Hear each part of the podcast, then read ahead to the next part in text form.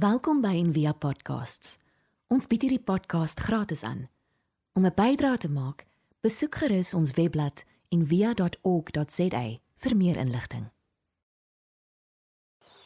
Goeiemôre, dis so lekker om saam met jou te kuier. Nou jy kuier vandag in Bonnievale, maar wel by Envia Stellenbosch. Die rede hoekom ons in Bonnievale is, ons het nou hierdie naweek 'n kamp gehad wat ons noem Bergskool wat ons kinders van die ouderdom van 12, 13 neem om net hierdie verskriklike groot lewensoorgang ehm um, saam met hulle te wees wat dit beteken eintlik om van 'n kind na adolescent toe te gaan. Nou ek kry sommer ehm um, ja, die trane sit naby as ek dink aan hierdie plek en dan ook wat die laaste 7 jaar hier gebeur het. Ons het um 9 jaar terug begin nadat ons gevoel het maar die Here nooi ons uit om beter te probeer verstaan maar hoe kan ons kinders help op hierdie kritiese tyd in hulle lewe. Dis net soos wat die Jode se kind 13 is dan hulle nou die bar en die bat mitzvah wat hulle jou eintlik deur 'n verskriklike mooi seremonie vat en dan vir die kinders sê maar hoorie ons wil jou help en ons glo ook in jou dat jy nou baie meer verantwoordelikheid in jou lewe kan opneem. Nou vroeër jare as 'n kind nou deur daai ding was in die Joodse kultuur dan kon hy 'n kontrak geteken het of as hy in die hof was dan het sy um, dan was sy getuienis geldig geweest. So en ongelukkig ons lewe in 'n kultuur wat ehm um, ja, ons dit nie het vandag nie en ja, dit het ons laat begin lees en ons was so 12, 14 mense wat toe vir 2 jaar lank literatuur gelees het, bymekaar gekom het en gepraat het maar hoe sal dit wees? In 7 jaar terug toe het ek ek onthou nog dit was Lucky en Maurits en Henning en Bernard en ons het net 5 kinders gehad en ons moes regtig hard werk om 5 te kry. En ek sal nooit vergeet nie, ehm um, daai oggend toe ek wakker word en die visarend skree en jy gaan hom 10 teen 1 hoor hy het ver oggend het nie hy hy hy kom Sondag en toe ons uitkom toe hy Sondag uitkom en hy sirkel so oor die tent was vir my 'n ongelooflike ervaring.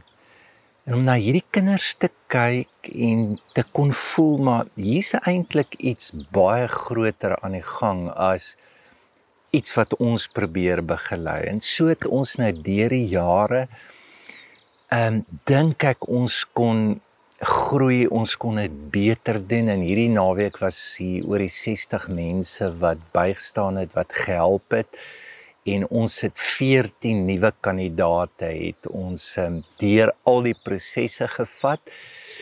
En um, hulle sit nou toevallig hier bo in die tent en praat oor maar hoe gaan ons nou terug en wat dit beteken? En ek het gedink dat ek wil hierdie oomblikie vat en vir 'n tyd met julle praat. En ek sit ook so 'n bietjie regs op die skerm dat jy die water daar kan sien en ook die enorme vis wat hier so is. Dis amazing en dit was so lekker met al die fasiliteerders wat vis vang want ons doen iets hier onder ook dat um, jy kan nie jou oë van hierdie water afhou nie. Dit is so mooi. Nou ons het toe ons nou hierdie naweek begin het, toe die kinders ingekom het, hulle doen 'n paar goed. Toe word hulle ontvang deur ouer mense wat op 'n stoel sit en elke kind kom sit by jou. En ek is so dankbaar vir um, ek weet ons wil altyd hê iemand moet ons kinders help of ons betaal ten duurste vir mentors vandag om ook dat daar van buitekant af inspraak in ons kinders kom. Ehm um, maar ons het nie 'n kultuur in die in die ou dae was die hele ken ons net die bekende gesegde it takes a village to raise a child. Dit was maar mense wat saam geleef het en ek so dankbaar vir ons gemeenskap wat ehm um, ja, dit voel soos 'n familie en is regtig dit dit word amper jou kinders. En daar's baie goed wat ek en jy as 'n pa nie met ons kinders kan doen nie. En dis hoekom deur al die kulture sal daar altyd iemand van buite af kom. Kyk maar nou, selfs in die movies. Daar's altyd 'n mentor of iemand van buite af. Hoekom? Want ons ervaar dit ook dat dis moeilik om regtig jou hart te kan deel met jou ouers want dis al wat jy het en jy's so bang vir verwerping. Jy kan dit nie doen. En dit voel so ongelooflik om net in die teenwoordigheid te sit van iemand wat ouer is. Ehm um, en iemand wat jou kan sien en iemand wat vir jou sê ehm um, jy het wat what it takes you've got what it takes om reg dit wat jy droom en ook dit wat die Here vir jou lewe het om dit regtig te word. En ehm um, ja, partykeer sukkel ons om dit te glo as ouers en ek praat van ek, ek sukkel ook want jy dink net hulle is te klein, maar as jy die Bybel lees, dan moet jy oorweldig word hoe jonk was mense. Samuel wat 9 was, Maria wat 14 was. En Dawid was maar 'n tiener gewees en dat op 'n manier het hulle ook die hart en die kapasiteit um, om alles wat God in ons lewe inbring om dit te kan verstaan en dit lê bietjie buitekant die verstand dis nie dit is meer 'n ervaring en um, om dan beter te kan sien maar wie ek is want ons weet nou almal dat kinders dat ek en jy op 'n tyd en hoor hoe mooi speel die visie agter. Ehm um, is ons so afhanklik ons ouers is maar die primêre persone wat ons lewe beïnvloed maar nou met die kinders wat hierdie naweek hier was dis nie meer so nie nê. Dis nou die groep en hoe neem jy besluite en dat ons ook kan vertrou dat die Here 'n geankerdheid bring en ook 'n oortuiging en 'n wete van hoe behoort hulle besluite te maak. Want kyk, ek en jy weet dit nou om vir iemand sê dit staan in die Bybel of om jou kind bang te maak met die Bybel, maak van hom 'n rebel. Dis maar wat gebeur. So hoe hoe moet daai begeleiding wees en dis hoekom maar wyse grys is noem dit nou sages en die ander woord is eintlik 'n elder dis wat 'n ouderling in 'n kerk behoort te wees is eintlik 'n baie diep bewustheid van ek weet om kinders groot te maak Dis miskien die belangrikste vraag. Jy weet, hoe wil jy oud word? Dis baie baie hartseer om te hoor dat ons wil oud word sodat ons gemaklik kan lewe. Dis ongelooflik hartseer en hy beamoed dit die visarend. Is ongelooflik hartseer om te dink ons gaan nou so lank lewe, nou kan ek langer werk en ons werk ons net dood. Daar's by my geen twyfel. Dit as jy reg oud word, word jy 'n wyse gryse en wat is dit? Is iemand wat kinders groot maak. Ehm um, dit is iemand soos hierdie mense wat jy is wat sê maar ek wil my lewe investeer in kinders en die mooiste ding kind het dit nodig. En dit is vandag daar's 'n verskriklike groot ehm um, belangrike rugsteen en 'n en 'n fondament wat weggeval het met oupas en oumas wat ons eintlik maar wegjaag en toesluit in ehm um, ouer huise en kinders wat weggaan ehm um, oor see werk en ons het nie meer die voorreg om daai daai teenwoordigheid van 'n oupa en 'n ouma in ons lewe te hê. So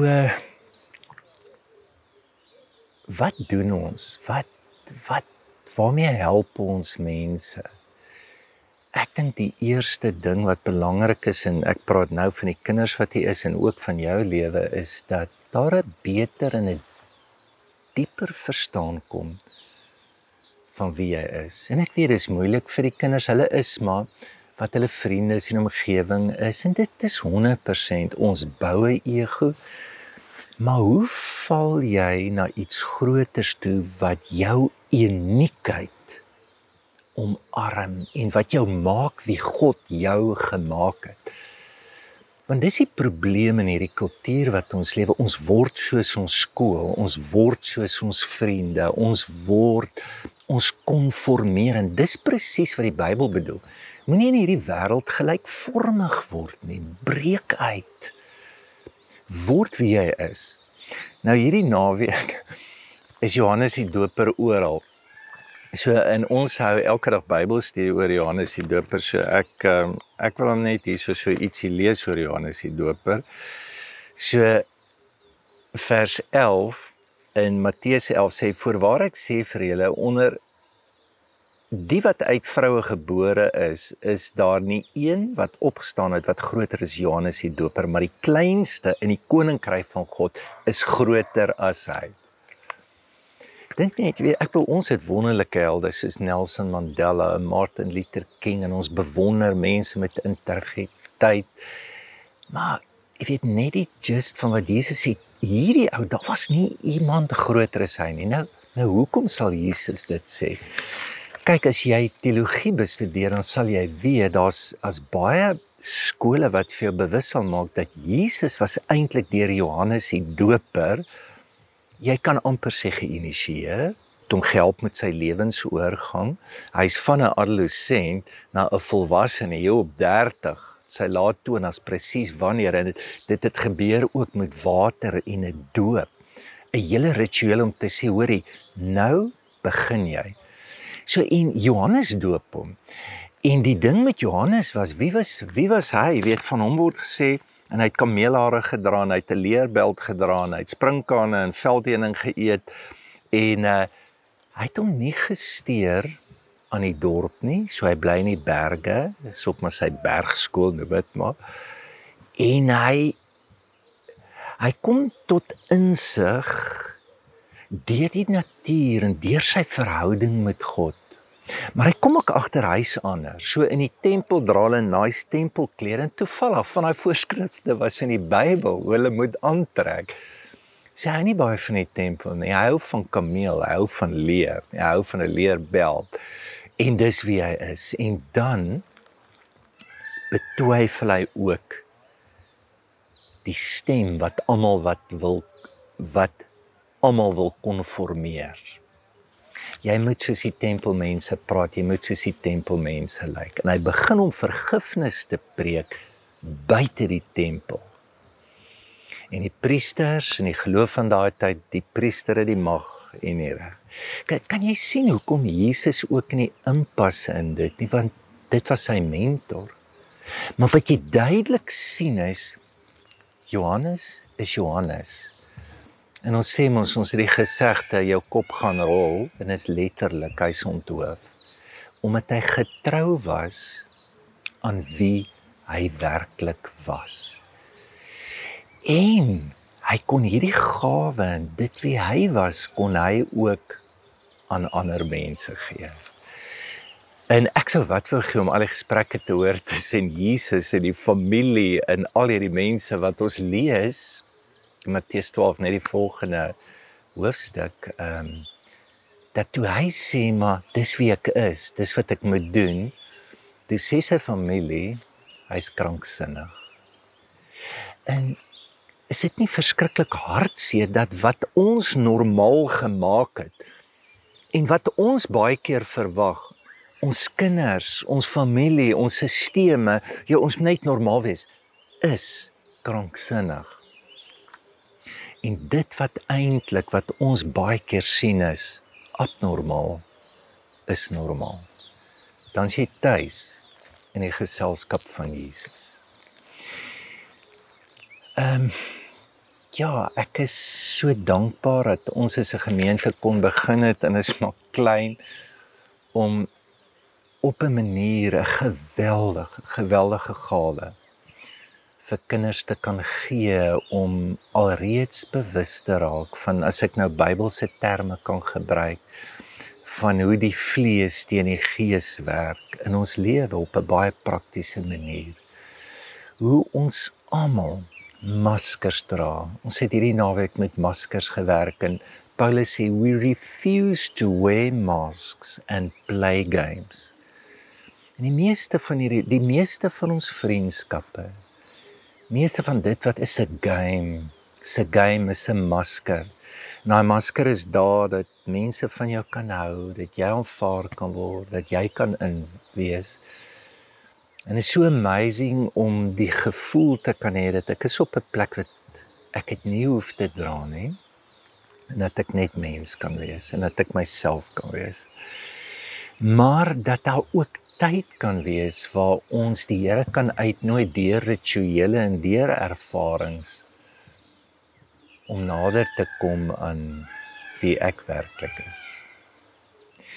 So ek wil in die eerste plek miskien vir jou uitnooi as jy dink in jou lewe, jy was 'n kind, jy was 'n adolescent, jy was volwassene, jy's dalk nou al 'n wyse gryse of jy behoort daar te wees of jy dalk 'n uitnodiging kan voel van ja, van van 'n plek waarna toe die Here jou nooi. Ehm um, baie keer het ek persoonlik gevoel ek voel soos 'n seentjie en hierdie liggaam word net ouer en ouer. Ons sien dit baie keer in ouer mense. Dis eintlik maar nog kinders wat vasgevang is in hierdie liggaam. Wat sal dit vra en watse geestelike werk is daar nodig vir jou om te gaan. En wat dit maar beteken is ons het so pas hier uit 'n plek uit gestap wat al hierdie kinders iets uit hulle vorige lewe gevat het en dit gelos het. En sê dit maar nou word ek dit wat wat moet ek los? En wat se nuwe take moet ek in my lewe opneem om te kan word wat die Here wil hê ek moet word? Dan wil ek jou ook uitnooi. Ek begin binnekort met 'n proses vir wyse gryses en ek hoop ons kan dit in die toekoms doen. So hoe kan ek nader kom vir alles ons aftree? En belangriker is jou aftree plan is is jou geestelike aftree droom wat God vir jou het van hoe jy jou oriënteer en hoe jy jou meer teenwoordig kan maak binne hierdie wêreld wat vir jou so nodig het. Kom ons sê dankie. En ons het sommer net van die warriors, dit is van die kinders wat dit gedoen het wat help gevra.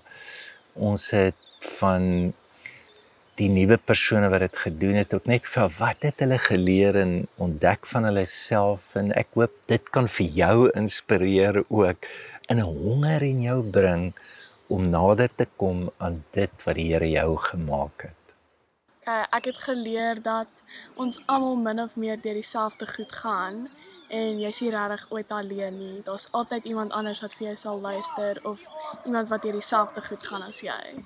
Ek het geleer dat ek myself moet wees en dat ek baie waardevol is en ek is baie hardwerkend.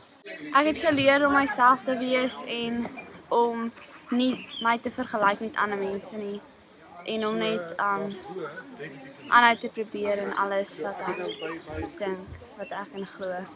Ek het geleer dat dit nie altyd die belangrikste is om die beste te doen nie en dat jy ook 'n bietjie van kan hê en net kan relax. Ek ek het geleer ek het myself aanvaar en ek weet almal anders sal my ook aanvaar vir wie ek is. Daar.